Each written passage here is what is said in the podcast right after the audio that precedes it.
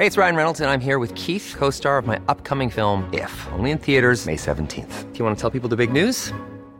All right, I'll do. Sign up now and you'll get unlimited for $15 a month in six months of Paramount Plus Essential Plan on us. Mintmobile.com slash switch. Upfront payment of $45 equivalent to $15 per month. Unlimited over 40 gigabytes per month. Face lower speeds. Videos at 480p. Active Mint customers by 531.24 get six months of Paramount Plus Essential Plan. Auto renews after six months. Offer ends May 31st, 2024. Separate Paramount Plus registration required. Terms and conditions apply if rated PG. I'm Sandra, and I'm just the professional your small business was looking for. But you didn't hire me because you didn't use LinkedIn jobs. LinkedIn has professionals you can't find anywhere else, including those who aren't actively looking for a new job but might be open to the perfect role, like me. In a given month, over 70% of LinkedIn users don't visit other leading job sites. So if you're not looking on LinkedIn, you'll miss out on great candidates like Sandra. Start hiring professionals like a professional. Post your free job on linkedin.com/people today.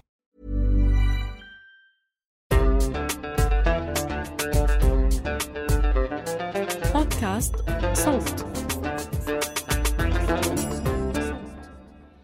مرحبا أنا تالا من فريق صوت.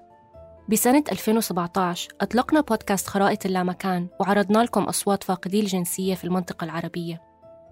ابتداء من اليوم خرائط اللامكان رح يتوسع ليكون منصة لقصص صوتية عن الهوية والانتماء والوطن. رح نسمعكم اليوم حلقة أنتجها هبة القادري ومحمود أبو ندى. كمشروع تخرجهم من الأكاديمية البديلة للصحافة العربية. مشروعهم بيحكي عن معايشات الناس في غربتهم ومنافيهم. بيدعونا لنصغي ليوميات البعاد عن بيوتهم اللي عم بيفتشوا عن عناوين جديدة بمطارح بعيدة. رح أترككم مع هبة ومحمود.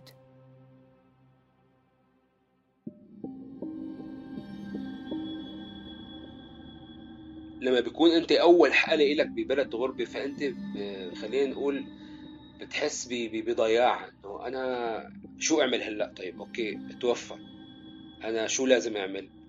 آه، الموت عن بعد صعب جدا جدا. أنت بتبقى نفسك يعني تبقى كده تشوفه دي اللحظات الأخيرة يعني. فلما وصلنا كان في أربع أو خمس أشخاص هم حافرين الحفرة مج- مجهزينها و... ومشغلين النار وحاطين مع النار آه، قشر برتقان والمدفن بالكامل للاجئين.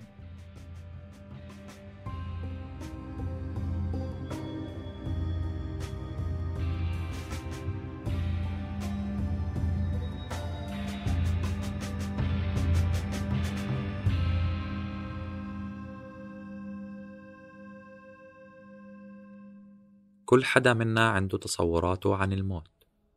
اللي راح تضل تختلف وتتبدل لأنه هذا اللي بيصير من يوم وجدنا. تصوراتنا عن الموت وطقوس الدفن والعزاء طول الوقت عم يعاد تشكيلها. أديان وتقاليد وعادات اجتماعية وحتى ظروف سياسية واقتصادية. كلها عندها شي تحكي عن الموت وطقوسه. اللي بطلوا بلحظة ما شأن خاص. وصاروا بمحلات كتيرة شأن عام. وإجراء بيروقراطي يومي في مصلحة حكومية. بكتير وقت جزء من حكاية قهر جماعي.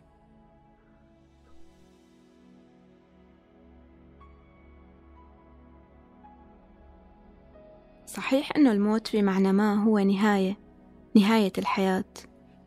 بس بمعاني تانية هو أبو البدايات والأسئلة. الأسئلة اللي بتجاوب على سؤال الحياة مش الموت. بهاي الحلقة رح نسمع خمس أشخاص عم يحكوا عن وفاة أحبائهم وأقربائهم عن بعد. كيف فينا نفقد اللي منحبهم بدون ما نشوفهم؟ كيف فينا نصدق إنه راحوا بدون ما ندفنهم؟ وإذا قدرنا ندفنهم كيف فينا نفتش على قبور ببلاد بعيدة وغريبة؟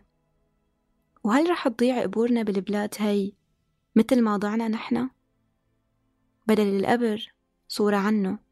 وبدل العزا إيفنت على الفيسبوك. بشو منستبدل القهوة المرة؟ وكيف منسكر الحكاية؟ كيف الموت؟ بكل شي بيجي معه. من دفن وعزا وجنازة هو بوابة إضافية لنطلع على الغربة كرحلة قهر وعصة قبر.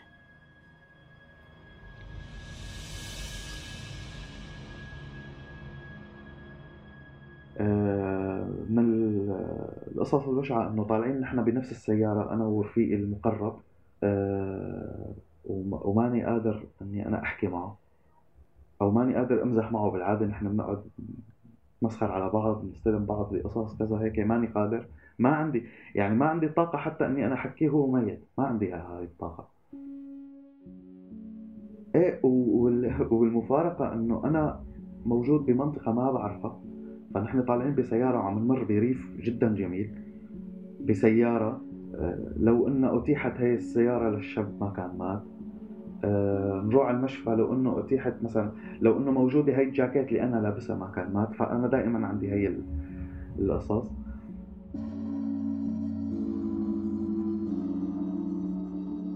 هاد صوت ميلاد عم يحكي عن رحلة دفنه لرفيقه توفيق اللي طلع من تركيا تهريب. متوجه لأوروبا. انقطع الاتصال مع توفيق 13 يوم. تواصل فيهم ميلاد مع منظمات وصحفيين وناشطين.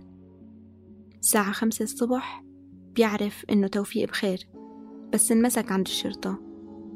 بيفتح عيونه تاني يوم على ألف مكالمة وصورة لتوفيق متوفي. قرر ميلاد يطلع لعند رفيقه توفيق يدفنه. كتب للأقارب والأصحاب ولموا فلوس الدفن. لما تجمعوا 3500 يورو طلع ميلاد مع كرم ابن عم توفيق من هامبورغ بألمانيا لريف سالونيك باليونان. وعلى الواتساب كانوا أهل توفيق من سوريا عم يتابعوا رحلة التعرف على جثة ابنهم بالمشرحة. آه، رحنا على المشفى وأهله عم يتواصلوا معنا ويعني أهله بي... أهله يعني لما عم نكتب لهم كلمة عم تجتمع العيلة كلها على الموبايل. آه، فرجانا الدكتور الصور. الصور هن الصور محتفظين فيها. بيكون آه، محتفظين بصور دقيقة للشاب بحيث إنه إذا ما حدا إذا سأل عنه ودفنوه ولاحقا حدا سأل عنه يطلعوا صور فشو في تاتويات بجسمه؟ شو في جرح معين؟ شو في علامات فارقة يعني؟ آه، فرجانا الصور لا هو يعني هو مية بالمية بس أهله طالبين آه، كثير صور وفيديوهات لحتى يكونوا فعلا متأكدين. فنزلنا على أساس إنه نازلين على البرادات لحتى نصور صور وأبعث. ما أحسن تصور أنا فورا فرطت بالأرض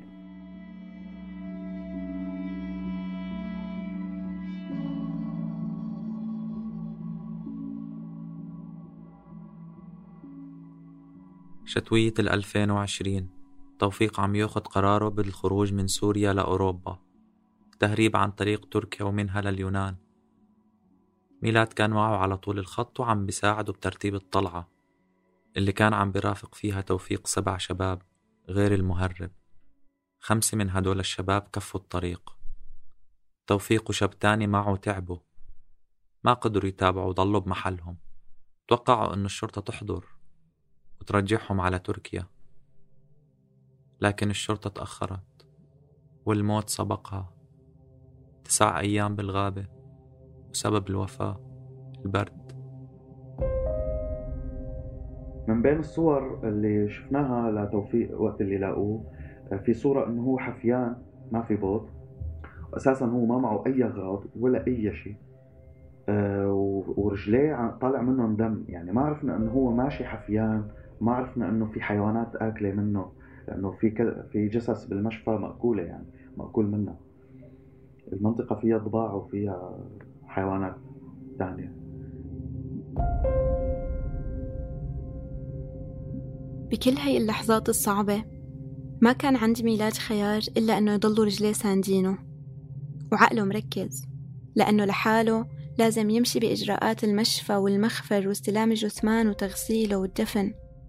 وهي الإجراءات اللي كتير وقت ممكن نفكر إنه هي آخر شي ممكن يخطر عبالنا وقت يتوفى حدا قريب منا بتصير هي مركز كل شي ومليانة تفاصيل معقدة ومركبة ما بتزيد الطين غير بلة. كان الموضوع صعب آه، بتفاصيل تأخر الأوراق.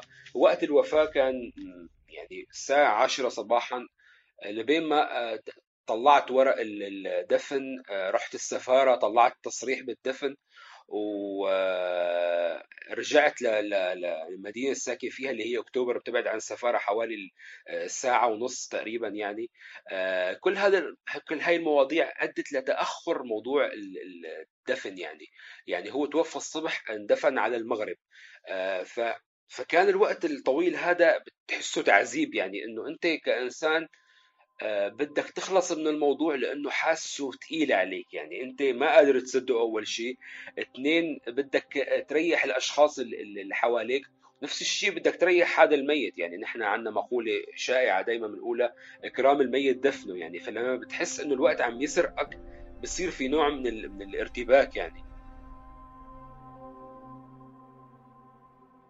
عبد السلام هو الأخ الأصغر لعشر إخوة. كبر هو عم بشوف أبوه عم يودعهم واحد ورا التاني على بلاد الغربة.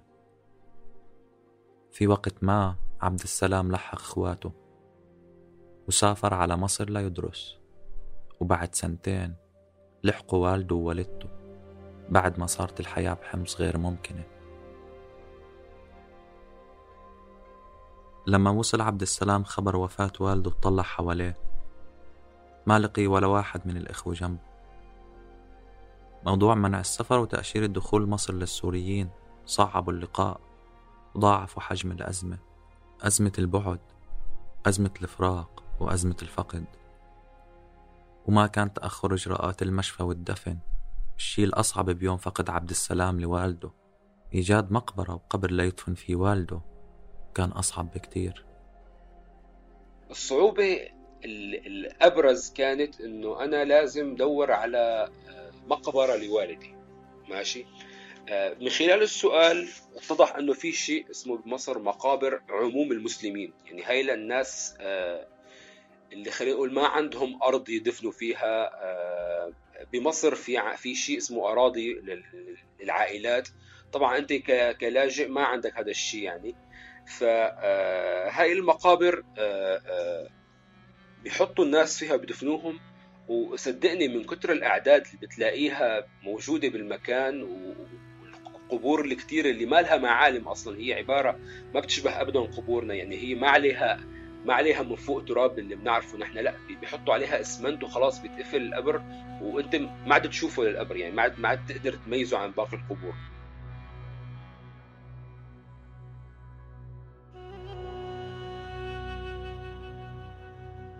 فلما وصلنا كان في أربع أو خمس أشخاص هم حافرين الحفرة مجهزينها و...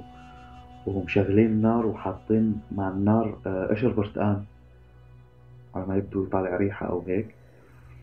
والمدفن بالكامل للاجئين عبارة عن لاجئين من أفغانستان من إيران من العراق فلسطين من كل مكان موجود. آه، يعني كمان هي صدمة ثانية بالنسبة لي إني أنا أشوف هذا المنظر كثير كان رهيب الموضوع. يعني في شيخ عم يقرأ قرآن هو ما عربي وعم يقرأ بالعربي فكتير لغته كانت بالنسبة لي آه، حالة مميزة فكتير سمعت عليه. وعم شوفهم هن عم يمزحوا ويضحكوا بين بعض آه، باليوناني ما عم بفهم عليهم شيء بس إنه عم في مزح وضحك بالموضوع. فللحظة تهيأ لي إنه أنا لو توفيق موجود معي كنا أنا وياه عم نمزح ونضحك. حتى لو كان هو اللي ميت ونحن عم ندفنه هو كنا كمان رح نمزح ونضحك.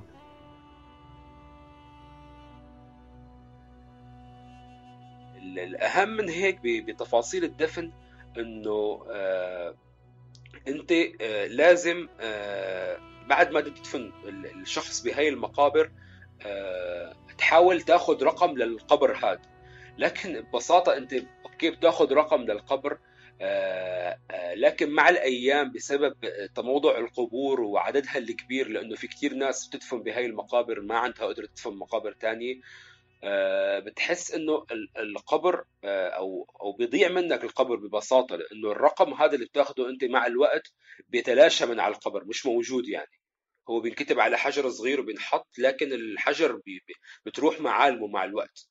وغير هيك المقابر نفسها تتوسع أرض كبيرة جدا فأنت بتروح بتسأل الشخص المسؤول إنه أنا كيف في يلاقي هذا القبر؟ ما بيجاوبك ببساطة هو ما بيعرف أصلا ما عنده فكرة ما في تراتبية لهي القبور. فأنت بعد الدفن بصير عندك هاجس إنه أنا كيف حلاقي هذا الشخص؟ كيف حزوره؟ فعلا أنا حاولت زور المكان هناك وما لقيت القبر يعني. أنا رحت بعد فترة لقيت الأعداد زايدة والدنيا متغيرة عن المكان اللي اتدفن فيه يعني. فكان آه، آه، الوفاة الوفاة نفسها صعبة لكن الأصعب منها هو ضياع هذا المكان يعني. الإنسان اندفن ببلد غير بلده وأنت ما قادر توصل له كثير صعبة يعني. بالآخر زيارة القبور شيء نحن يمكن نحس فيه أكثر من الميت إنه بنرتاح بنحس حالنا عم نساوي شيء لهذا الشخص اللي توفى.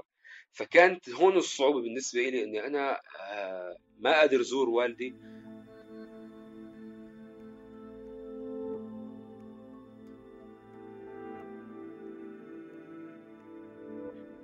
بعد ما ضاع القبر وانمحت ملامحه حاول عبد السلام يخلد أبوه.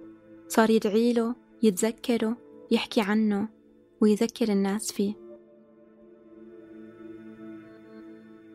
بمنصة الجمهورية كتب عبد السلام مقال عن والده وعن حياته بعنوان أبي الذي مات لاجئا وضاع قبره بدل الكلمات والحروف اللي انمحت من على القبر كتب عبد السلام كلمات وحروف عن والده ولأله ليخلد فيها ذكراه.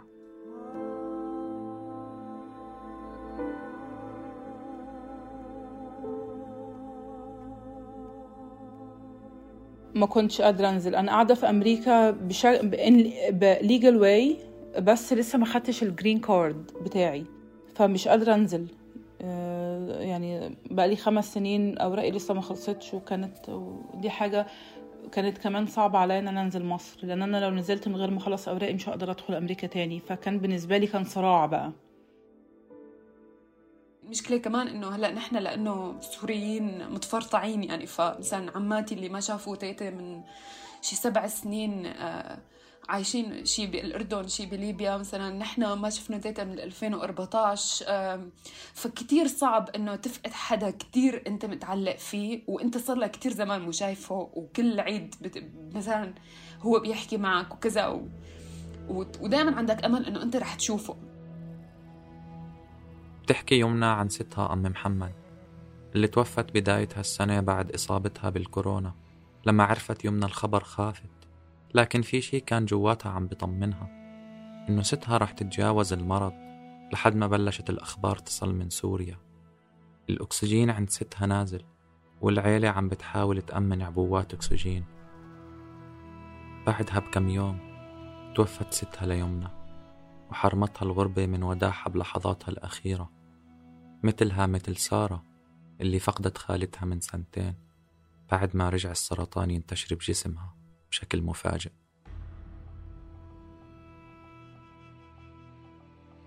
خالة سارة اللي طابت من السرطان من قبل كانت مقربة جدا لإلها بمثابة أم تانية وأخت ورفيقة. ما قدرت سارة تنزل من أمريكا لمصر لتودع خالتها بسبب الوراق العلقانة والإقامة اللي لسه ما أخذتها.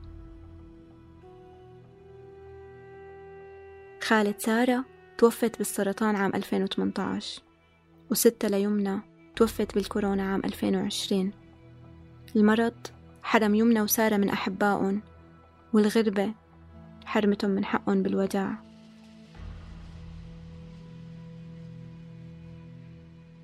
تاني يوم أنا وقتها بعثت تسجيل صوتي ل... لبيت عمه لأنه هي كانت وقتها عند بيت عمه. قبل يعني المساء قلت لها إنه إنه تيتا إنه صرت ابعت تسجيل لتيتا إنه تيتا الله يخليكي وانت رح تقومي ورح تكون إن شاء الله رح ترجعي لنا بالسلامة وهيك. وإنه وصيتهم إنه يسمعوها لت... يسمعوه لتيتا ما بعرف الشعور جواتي قال لي إنه هي آخر مرة تيتا رح تسمع صوتي. فيوم تاني يوم فقت أنا ستة الصبح لقيتهم باعتين على الجروب العيلة الساعة ثلاثة بالليل أو تنتين بالليل إنه تيتا توفت. حتى إنه ما كتبوا يعني إنه ما لقيت غير ناس عم يقولوا الله يرحمها ولإنا لله إنه أنا مخي إنه ما عم يستوعب شو الله يرحمها أنا يوم الجمعة كنت حاكية معه وكان عم تقول لي تعبانة شوي وكذا وهيك.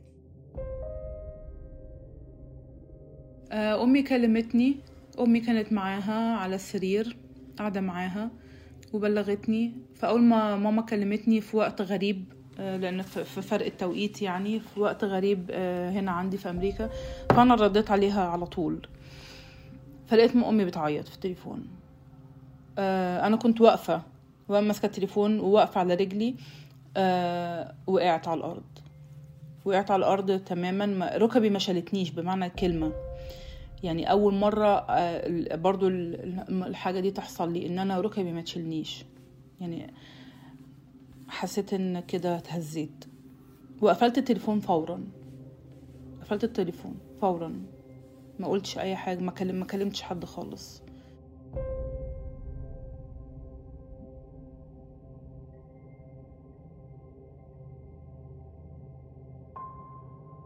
الموت بعد والغربة بعد.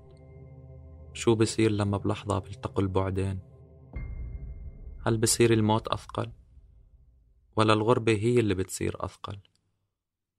هل بصير تصالحنا مع فكرة إنه اللي بنحبهم راحوا أسهل؟ وبأي محل بنصير نفتش على سلوان وعزا؟ أشياء أقل بتذكرنا تفاصيل أقل منعيشها والوجع بخف بتمنى إن هي ما تكونش ماتت خالص. بتمنى إن ما أصل ما صعب قوي السؤال لما أقول لك آه أتمنى إن هي تموت في قربي آه أكتر ما هي تموت في بعدي لأن بصراحة الاتنين بالنسبة لي هي ماتت. هي مش موجودة. هو الأصعب طبعا إن أنا أكون موجودة. صعب جدا جدا. لأن بتشوفي بعينيكي بقى. البني آدم ده يعني رايح مش مش هتشوفيه تاني. أعتقد إن البعد طبعا أسهل. أعتقد إن البعد أسهل بكتير. في حاجات معينة. ما هو هي هو القصة كلها إن أنت مش عارفة تكلميها. آه، أكيد هذا الشيء أسهل. يعني أنا بتذكر آه، كثير كان صعب على عمتي اللي عايشة بسوريا أو عمومي إنه إنه يفوتوا على البيت. محل ما تيتا كانت آه، تيتا طبعا بيت تيتا كان بيت عربي قديم. انقصف. فلأنه بناؤه كثير ركي ضعيف يعني انهدم كله البيت. فتيتا كانت يعني قعدت فترة كتير منيحة مع بيت عمي وكان عندها غرفة بالشام يعني كان عندها غرفة وكان عندها مكان وزاوية وكذا وهيك. فلما توفت تيتا كتير كتير كان صعب عليهم إنه يتأقلموا على إنه تيتا مثلا هذا اتخذ معه اتخذ تيتا أو مثلا تيتا يعني أكيد أكيد لما الشخص بيكون عايش بهذا الموضوع وبيفقد إنسان كتير بيكون صعب عليه الذكريات اللي بهذا المكان بكل زاوية بكل مكان. هون أكيد أسهل هذا الشيء. أكيد لأنه أنا مثلا لما عم عم بتعامل مع الذكريات فعم بتعامل مع ذكريات ما لا ما لها علاقة ما لها مرتبطة بمكان اللي أنا عايشة فيه هلأ.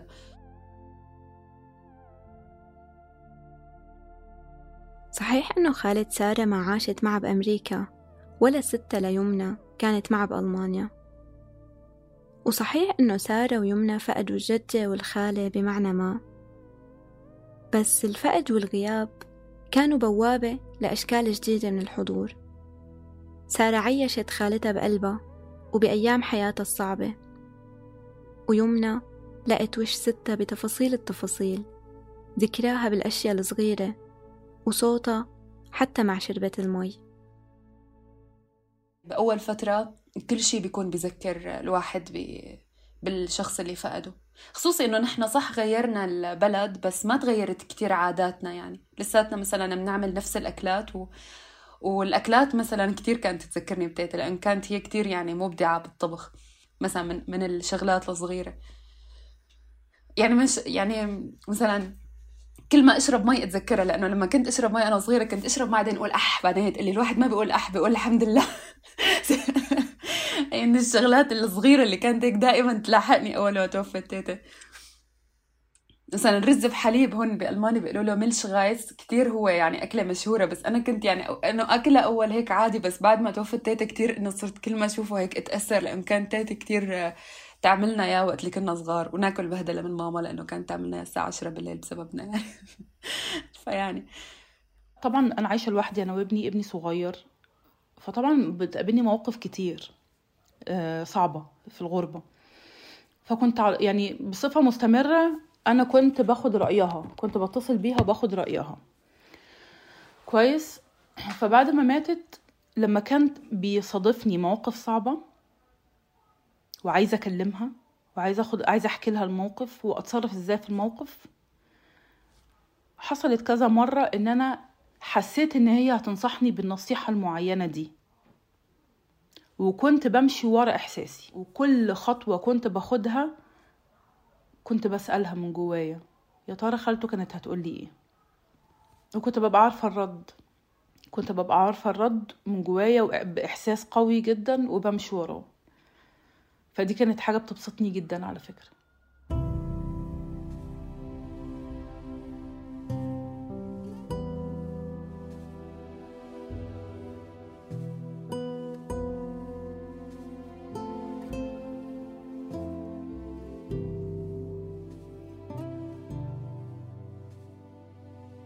بابا كان تعبان كان مرضان آه، بس ما كان يعني متوقع آه، موته. وهذا كان ب 28 واحد 2020 ولما سمعت يعني باللحظة اللي سمعت إنه توفى بابا آه، فأنا حملت حالي ونزلت على شتوتغارت عند إخواتي. ورحت يعني كانت فكرتي إنه أنا حابب روح عند حمودة أخوي الصغير. وصلت على شتوتغارت وعملنا مثل عزا صغير.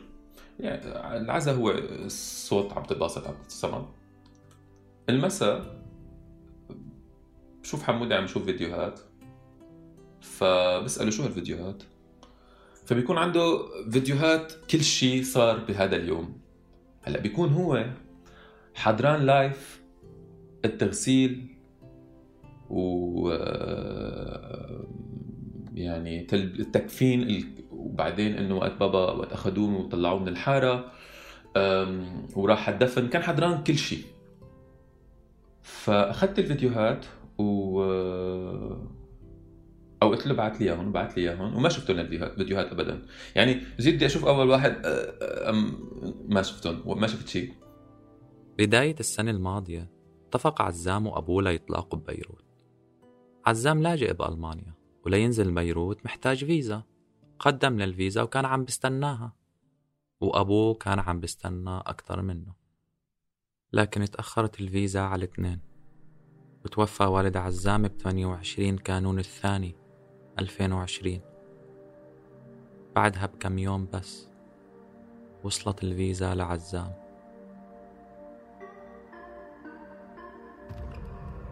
بعد عشر شهور من وفاة والده. كان رفيق عزام كنان عم بعيش أيامه الأخيرة.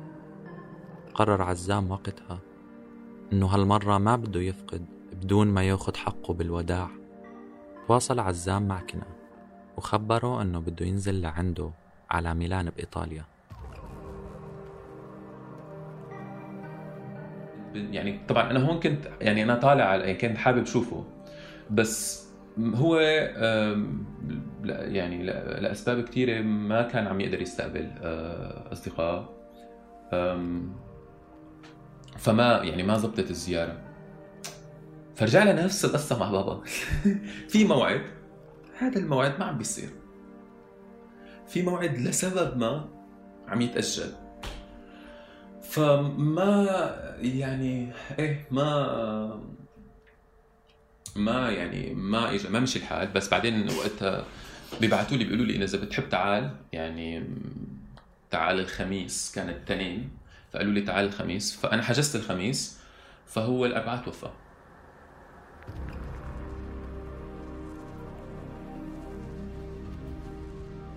في لقاء ما عم يتم. وجع ما عم يكتمل. وقصة ما عم تتسكر. كل هاد بيخلينا بمواجهة مفتوحة مع الموت وأسئلته الثقيلة بيرجع الشريط بكر حاله مع كل فراق جديد. ونبلش نحاول نلاقي نهاية للحكاية المفتوحة. عزام اللي ما قدر يودع أبوه ولا يدفنه حجز ليودع رفيقه. ما لحق يودعه بس لحق يكون بالدفن. وكان مصر يروح ينقل الجنازة والقداس. ويصورهم بمعنى إنه أنا ما شهدت الدفن وما شهدت أي شيء آه، من المراسم فهو هذا وداع غير مكتمل. فبهي الفكرة في حاجة عند الإنسان إنه يسعى باتجاه يكمل هذا المشهد. هلأ هو ما إذا كان واحد ما قدران يكمله حقيقة فهو بده يروح على اللاوعي تبعه ويكمله هنيك. قعدت اصف يعني قعدت يعني حتى كمان إنه نفسيا يعني كان على الموضوع عم يروح بانحدار آه، شديد لأنه أول مرة بختبر هي مشاعر الخوف مشاعر القلق الأفكار آه، الأحاسيس.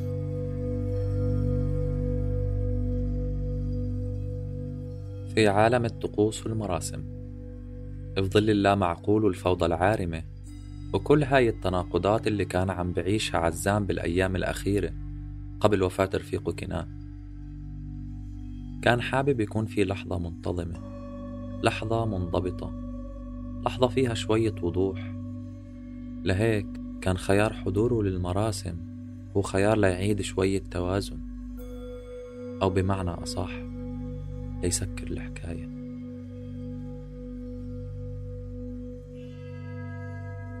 أنا بس أول ما سمعت الخبر فكرت إنه أنا بدي أروح على ميلان واحد واثنين أنا بدي إنه آه، أكون عم أنقل الداس والجنازة آه، للرفقات لوين ما كان لحتى هن يكونوا عم بيحسوا آه، إنه ما لحالهم وبس كمان عم بيحسوا معه لكنان وعم بيشوفوه وعم يدعوا له عم يفكروا فيه. وعم بيعبروا. هو هو مو مهم هو حق. هو حق حق الإنسان إنه يعني يودع رفيقه. حق الإنسان إنه يكون عم بيشوفه ب برحلته الأخيرة عن عن عنا نحن يعني. إنه مو بس يعني هو فكرة إنه مهم لنا هو حق وحق أساسي وحق أساسي رغم عن كل الظروف. وحق أساسي ضد كل الظروف اللي موجودة.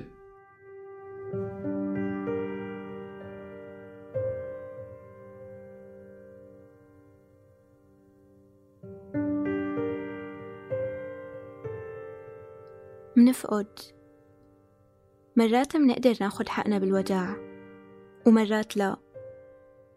الوداع بيتطلب أحيانا باسبور وراء قانونية وتأشيرة دخول بس كمان بأوقات كتيرة كل هاد ما بيفيدنا لنفوت على بلاد ممنوعين منا اللي ممكن تكون بلادنا اللي انخلقنا فيها. بس يمكن للسخرية الغراض عندها حرية بالتنقل أكتر منا أكتر من صاحبينا وبتبقى لنا بعالم صعب نتحرك فيه مثل مراسيل عم تصلنا من الطرف الآخر من الجدار.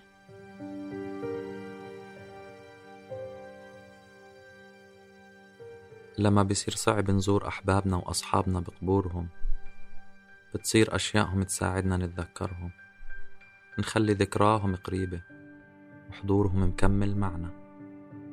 بتكون بكتير وقت سلواننا الوحيد على هذا الفراق. وغريب كيف فجأة بتلاقي الحياة طريقها للأشياء الشخصية للناس اللي راحوا. بتصير مطرح عم بيوزع مشاعر وعم بيأثر علينا وفينا وبلحظة ما بتتحول من غرض يومي لمقام عم نستأنس فيه. جاكيت عكاز أو نظارة من حدا بنحبه توفى ممكن يصبرونا أكتر من كل التعازي اللي وصلتنا. ساعة إيد من غالي راح يمكن عقاربها ما بيمشوا صح. تقدر تحسسنا بالوقت أكتر. وشال تغير لونه من كتر الغسيل. ممكن يكون أدفى شي بنلفه على كتافنا. فأخواتي بدقوا لها تليفون لماما وبيقولوا لها بعتي لنا غراضه لبابا. وكل حدا صار يقول لها انه مثلا بعتي لي جاكيت بعتي لي ساعة أنا قلت لها بعتي لي النظاره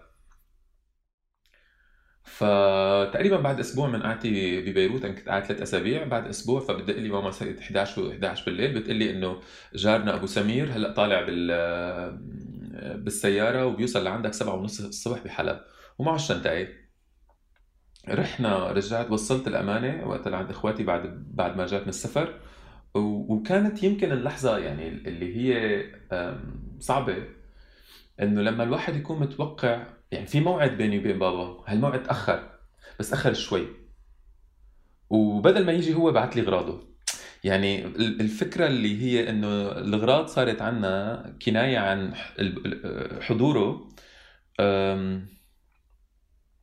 يعني أنا كنت مفكر إنه حنعمل هيك مفكر طبعا إنه نحن إخواته عفوا أولاده الأربعة الصبيان نحن إنه حيصير في لحظة عاطفية قال لما نفتح الشنتاي ونوزع الأغراض أو نحن الحمد لله ما في لا لحظة عاطفية ولا شيء ابدا. صرنا نتقاتل يعني صاروا إخواتي يتقاتلوا على هذا الجاكيت ولا هذا. وصار الموضوع بس إنه كل واحد بده ياخذ الشغلات اللي هو حابها ويتفاوض على الشغلات الثانية فقط. ففعلا يعني كنت شوي مو متخوف بس كنت قلقان من هاي اللحظة تبعت الاغراض وهن الحمد لله رب العالمين يعني. ما فكروا لا بالعاطفة. لا لا لا لا ابدا ابدا اطلاقا. بس مثلا من الشغلات اللي بقيوا عندي لتيتي لحد هلأ هون يعني بألمانيا هو كان مثل مثل شال كانت تحطه على راسها لونه أبيض. فأنا مرة ما بعرف يعني ليش اخذته معي على فكرة لحد هلأ ما بعرف ليش اخذته معي على ألمانيا. بس بس ما كنت عم رتب أغراضي ولقيته بعد ما توفيت تيتي فهذا يعني من الأشياء اللي كتير يعني بتعني لي.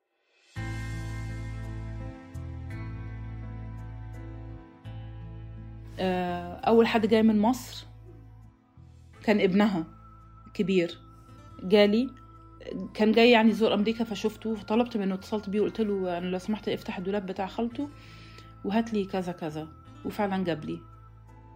جاب لي حاجات من عندها وقلت هلبسها وهستعملها لكن طبعا ما لبستهاش خالص وشلتهم في مكان معين. كل فترة كده بروح بفتح الدرج ده وبطلع حاجتها وبشم ريحتها وبقفل الدرج تاني. آه عندي عكازه موجود لسه. آه ساعته ساعة اليد آه تبعيته موجودة عندي لسه رغم إنه هي آه, آه، غير صالحة للاستخدام يعني وقفت من فترة لكن أنا محتفظ فيها كمان. آه بعض بعض ملابسه لسه موجودة عندي. آه الذكريات الحلوة ببساطة يعني هذا أهم شيء بالنسبة لي. يعني حتى أنا قلت لهم مش عايزة الشال ده مش عايزة يبقى محطوط عليه برفان ما يبقاش عليه برفان عايزاه يبقى عليه ريحتها هي. وفعلا جابوا لي جابوا لي شال وجابوا لي جاكيت من بتوعها. آه، في ريحتها فعلا. أول ما أول ما اخدتهم وشمتهم يعني انهارت في العياط. انهارت انهيار رهيب لأن فعلا شميت ريحتها. آه، دي كانت صعبة عليا جدا. وأنا مبسوطة إن أنا عملت كده.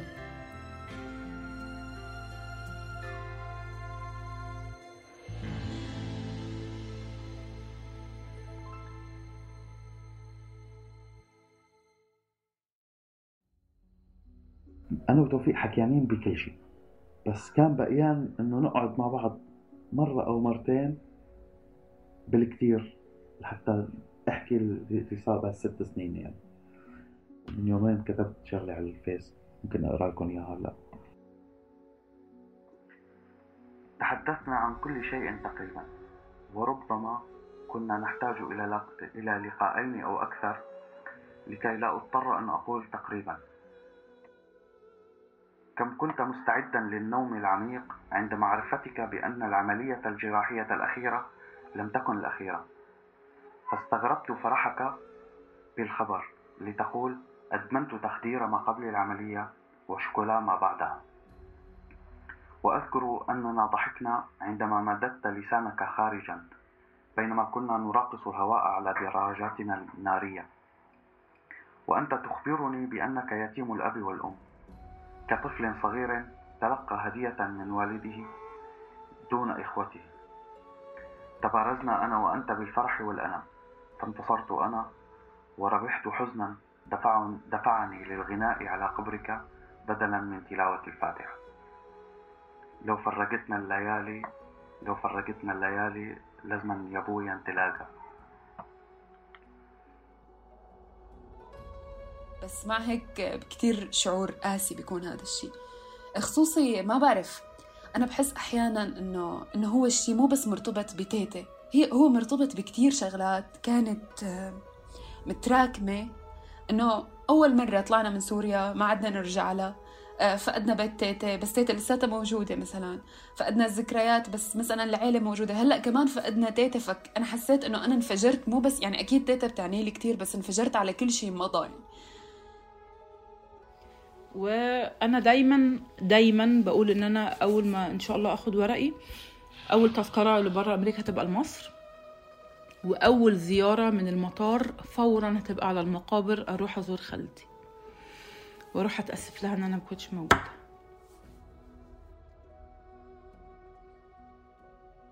هلا توفيق بالغربة أنا ما عندي قناعة بأنه اللي بيموت بيرتاح وال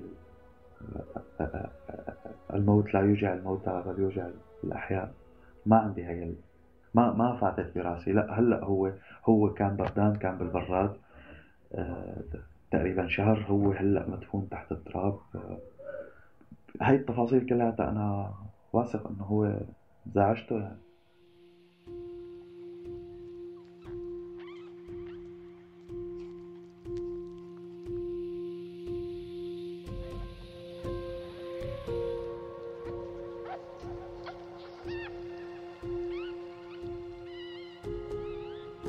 قبر والد عبد السلام اللي ضاع.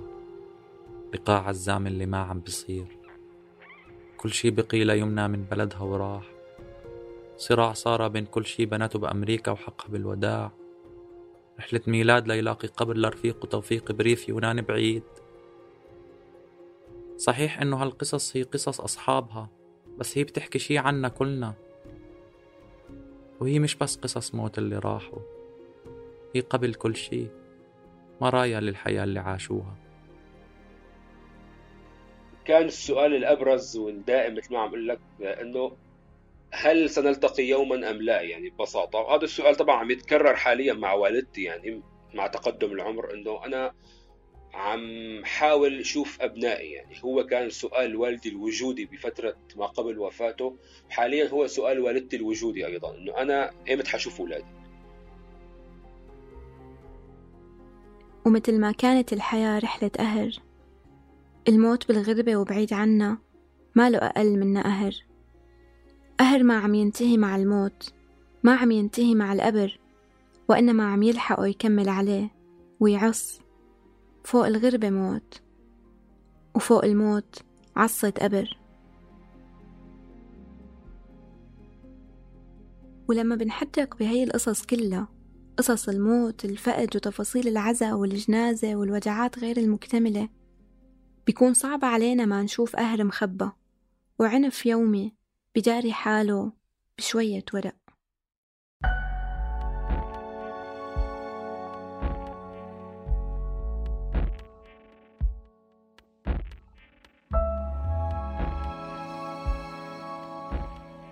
وهيك وصلنا معكم لنهاية الحلقة الخاصة من بودكاست خرائط اللامكان. اللي سمعنا فيها قصص اللي راحوا بالغربة أو بعيدا عنها. كمان سمعنا قصص اللي ضلوا لأنه زي ما عم نورث الأشياء كمان عم نورث الأسئلة. أسئلة الموت والغربة اللي بدسوا حالهم تحت وسايدنا كل ليلة. أسئلة جوابها مش عنا وحلها مش بإيدينا.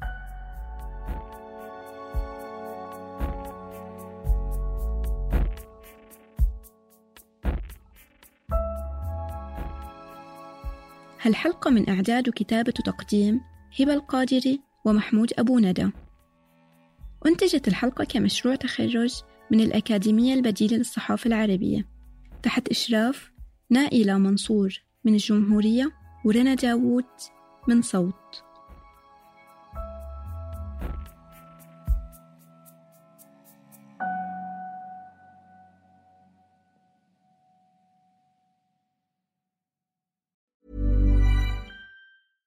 Even when we're on a budget, we still deserve nice things. Quince is a place to scoop up stunning high end goods for 50 to 80% less than similar brands. They have buttery soft cashmere sweaters starting at $50, luxurious Italian leather bags, and so much more. Plus, Quince only works with factories that use safe, ethical, and responsible manufacturing. Get the high-end goods you'll love without the high price tag with Quince. Go to quince.com/style for free shipping and 365-day returns.